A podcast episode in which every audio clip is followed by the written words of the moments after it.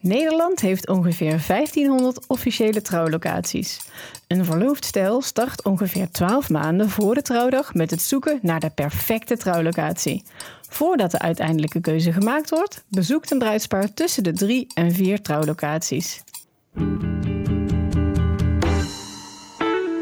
Welkom bij Echtgenoten, de podcast met bruisende bruiloftstips en verhalen over de liefde. Ik ben Elke, bruisfotograaf bij Ascona Fotografie en dit is aflevering 1 waarin ik het ga hebben over het vinden van je perfecte trouwlocatie. Daarover later meer, maar eerst... Waarom? Waarom? Waarom? Waarom? Waarom? Waarom? Waarom kun je alleen trouwen bij een officiële trouwlocatie of op een plek die door de gemeente is aangewezen als trouwlocatie. Nou, een burgerlijk huwelijk mag officieel alleen worden gesloten door een buitengewoon ambtenaar van de burgerlijke stand, afgekort BABS. En die BABS mag volgens de wet alleen werken in het gemeentehuis, of zoals ze het noemen, het Huis der Gemeente. Dit betekent dus dat de gemeente de plek aanwijst waar dit gebeurt.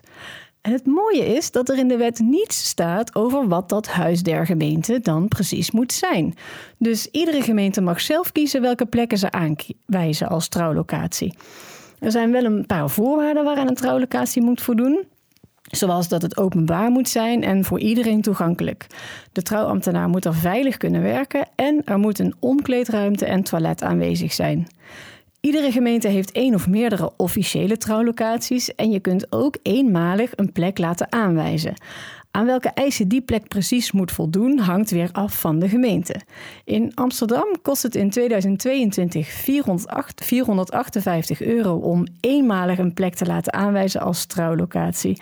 En de gemeente Amsterdam zegt hierover op de website. De locatie mag niet in strijd zijn met de openbare orde en goede zeden. Dit betekent bijvoorbeeld dat het pand niet mag worden gebruikt voor drugs of seks. Het is maar even dat je het weet.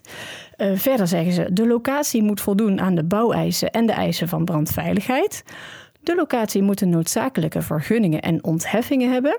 Bij een bedrijfsruimte kunt u dit aantonen met een gebruiksvergunning. De locatie mag niet in de openbare ruimte zijn. Dat betekent bijvoorbeeld dat de ceremonie niet op straat, op een brug of in een weiland kan plaatsvinden. En tot slot, de locatie mag geen woonhuis zijn, behalve in een bijzondere situatie.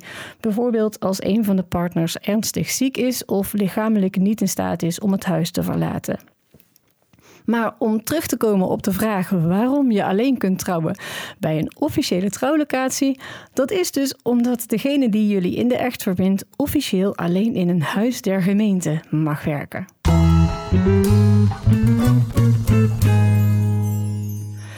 Dan ga ik nu vijf tips geven voor het kiezen van jullie perfecte trouwlocatie. Tip nummer 1. Er zijn veel verschillende soorten locaties om je bruiloft te vieren. Bijvoorbeeld een kasteel, een landhuis, een herenhuis, een boerderij, hoeve of molen. Nou, een, gewoon restaurant of een partycentrum, een hotel, in het bos, op het strand. Ja, wil je je bruiloft nou helemaal of gedeeltelijk buiten vieren? Zorg dan altijd voor een backup plan. Zo weet je zeker dat jullie dag nog steeds helemaal naar wens verloopt, ook als het zou regenen. Tip nummer 2.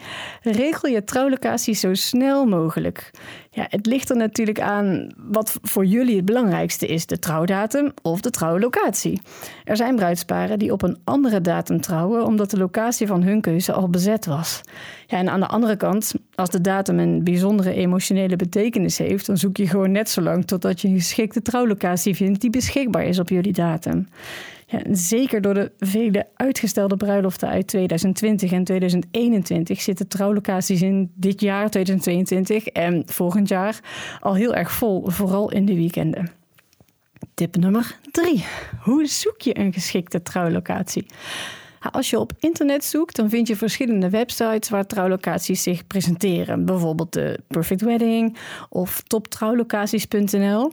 En die laatste, Top Trouwlocaties, die organiseren een aantal jaar, dagen per jaar de open top trouwlocatieroute.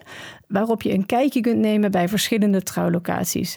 Wij staan zelf ook heel graag bij een van onze favoriete trouwlocaties uit de buurt tijdens zo'n open dag. Het is op de eerste plaats een gezellige dag waarop je even helemaal in de sfeer van een bruiloft kunt komen. En een tweede reden om een locatie op zo'n dag te bezoeken is dat je het personeel van de locatie kunt ontmoeten en enkele leveranciers. En tot slot is het ook een moment om gewoon vrijblijvend rond te kijken. Uh, verder kun je natuurlijk aan je eigen netwerk denken. Waar was de bruiloft van die ene collega en was zij tevreden? En misschien ben je zelf net bij een bruiloft geweest op een locatie die je heel leuk vond. En het is natuurlijk ook heerlijk om een keertje te gaan lunchen of dineren op een locatie die jullie mooi lijkt voor jullie bruiloft. Zo kun je de sfeer bijna letterlijk proeven. Tip nummer 4. Wat kost een trouwlocatie? Ja, die kosten zijn afhankelijk van een aantal factoren. En ik wil er een aantal noemen. Bijvoorbeeld het aantal daggasten, het aantal avondgasten, de catering, decoratie en hoe je de, hoe je de drank regelt. En het soort locatie maakt ook heel erg uit uh, in de kosten. Is het een heel luxe locatie? En willen jullie de locatie exclusief voor jullie alleen? Of kunnen er ook nog andere gasten een drankje doen?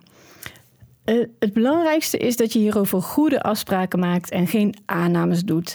Ik weet nog, voor onze bruiloft in 2013 hadden we een alcoholvrij toastdrankje, omdat wij zelf geen alcohol drinken. En ik had verwacht dat dit goedkoper zou uitpakken dan een cava of een champagne. Maar op de rekening die we na de rand ontvingen, zagen we dat dat dus niet zo was. En natuurlijk laat je je dag daar niet door verpesten, maar ja, het is toch een beetje jammer. Als we het dan toch over de kosten van de drankjes hebben, er is vaak een optie om de drank af te kopen. Dit betekent dat je een vast bedrag per persoon betaalt voor bijvoorbeeld bier, wijn en fris. En dan maakt het voor de prijs niet uit hoeveel iemand drinkt. Overleg altijd goed wat inbegrepen is bij het afkopen van drank. Zitten hier dus bijvoorbeeld ook speciaal biertjes bij of mixdranken? En hoe zit het met speciale koffies zoals cappuccino? Je kunt er ook voor kiezen de drankjes uh, in plaats van op afkoop op nakalculatie te doen. Dan ontvang je naderhand een rekening met de exacte hoeveelheid genuttigde drankjes. Nou, dan is er nog iets om even in de gaten te houden en dat is de bruidstaart. Sommige trouwlocaties hebben eigen leveranciers voor bijvoorbeeld de bruidstaart. Maar ja, wat nu als jij graag je eigen bruidstaart mee wilt nemen? Dan kan het zijn dat de locatie kosten in rekening brengt voor het aansnijden en uitserveren van de taart. Daar kan je het beste even naar vragen bij eh, jullie trouwlocatie. En het laatste om rekening mee te houden wat betreft de kosten voor je trouwlocatie, wat ik dan hier graag wil noemen, dat is de decoratie. Ja, je kunt die vaak in samenspraak met de trouwlocatie verzorgen en je kunt natuurlijk ook een eigen styliste meenemen of vragen. En je kunt het zo uitgebreid maken als je zelf wil. Nou, Tip nummer 5, de laatste tip bij het kiezen van jullie perfecte trouwlocatie. Wil je nou echt alle vrijheid in de keuze van je trouwlocatie? Dan kan je het beste een ceremoniële bruiloft vieren. Dan trouw je voor de wet op een ander moment, maar de ceremonie en al het andere vier je op de datum en de plek van jullie dromen. We hadden vorige week een bruiloft van een stel dat twee jaar geleden voor de wet getrouwd is. Maar hun ze wilden hun bruiloft echt als een festival vieren. En ze hebben het uiteindelijk twee keer uitgesteld. En ze konden dus vorige week eindelijk de bruiloft vieren zoals zij het graag deden. Met alles erop en eraan en met al hun dierbare vrienden en familie. Echtgenoten. In de rubriek Echtgenoten krijg je een tip van Edward voor een film, een serie, een mooie theatervoorstelling of iets anders om heerlijk in de stemming te komen. Daar komt hij ja, te gek om deze kijktip te mogen geven. Het gaat uh, om de film Pride and Prejudice uh, uit 2005 met Keira Knightley. Ja, kijk deze film. Ik ga eh, ook natuurlijk uitleggen waarom, maar het is echt zo mooi gemaakt. Um, wat wel leuk is om allereerst te vertellen, is dat ik deze film mee had op de eerste date die ik met Elke had. Uh, alleen uiteindelijk niet gekeken heb. Dus dat moeten we nog steeds een keer doen. Maar ja, ik ben nog steeds fan. Dus uh, als we ooit een keer daar goed de tijd voor nemen, dan gaan we hem zeker kijken. Um, en waarom ik hem aanraad, is eigenlijk. Hij, ik, hij is zo mooi gemaakt. Je, je merkt gewoon de, de, de verandering in de personages van het begin tot het einde. Het is een, um, een boekverfilming van het boek van Jane Austen uit 1813. En het gaat eigenlijk om over, de titel doet al vermoeden, Pride and Prejudice, gaat over voordelen over verschillende klasses en milieus. Dus uh, de uh, twee hoofdpersonen, Mr. Darcy, de man, uh, die uh, komt uit een rijke familie en is een heer van een landgoed. En uh, Elizabeth Bennet is een, um, ja, de op één na oudste van een gezin van vijf kinderen. En komt uit een lager milieu. en ja, er zijn nogal wat voordelen over, over en weer. En dat is wel mooi, want het was een, een tijd waarin je eigenlijk alles heel erg beleefd uitspreekt, maar niet echt uitspreekt. Dus wat je echt vindt, uh, dat zeg je op zo'n beleefde manier dat het niet echt uh, ja, uh, oprecht overkomt soms. En wat mooi is, is dat je een, een, proces hebt van het begin van de film waar alles nog heel star is en aan het einde ja, eigenlijk die hele liefde uitgestort wordt. Dus ik heb een heel mooi stukje van het einde waarin het, ja, de Fitzwilliam Darcy heel hakkelend zijn liefde uh, betuigt aan haar. En uh, ja, dat is gewoon uh, super mooi voor mij. Dus kijk hem. Ik eindig even met een stukje en ik hoop dat jullie hem allemaal gaan bekijken. You have bewitched me, body and soul, and I love, I love, I love you. I never wish to be parted from you from this day on. Save the date. Wil je een paar trouwlocaties zelf bezoeken? Dan is het heel leuk om een keer naar een trouwbeurs te gaan of de Open Top Trouwlocatieroute te bezoeken. Op een trouwbeurs vertellen verschillende trouwleveranciers wat zij voor jullie kunnen betekenen. Meestal vindt zo'n beurs ook op een trouwlocatie plaats. Tijdens de Open Top Trouwlocatieroute kun je verschillende trouwlocaties bezoeken en sfeerproeven. De eerstvolgende datum waarop een open top trouwlocatieroute wordt georganiseerd is op zondag 26 juni 2022 vanaf 11 uur. Op zondag 12 juni is er een trouwbeurs van Wedding Fair in Purmerend. En de eerstvolgende trouwbeurs van Trouwbeleving is op zondag 25 september ook nog dit jaar in de Koekbouw in Veghel. De links naar de beurzen en de Open Top trouwlocatieroute zetten we ook in de show notes. Dus mocht je deze podcast later beluisteren, kun je op hun sites het eerstvolgende event opzoeken. Ga je binnenkort jullie trouwlocatie bezoeken? Bekijk via echtgenoten.show een checklist met vragen die je aan de trouwlocatie van jullie dromen kunt stellen.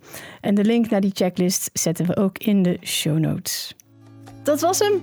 Ik wens je heel veel plezier met het kiezen van de perfecte trouwlocatie. En tot slot, geniet en nooit met mate.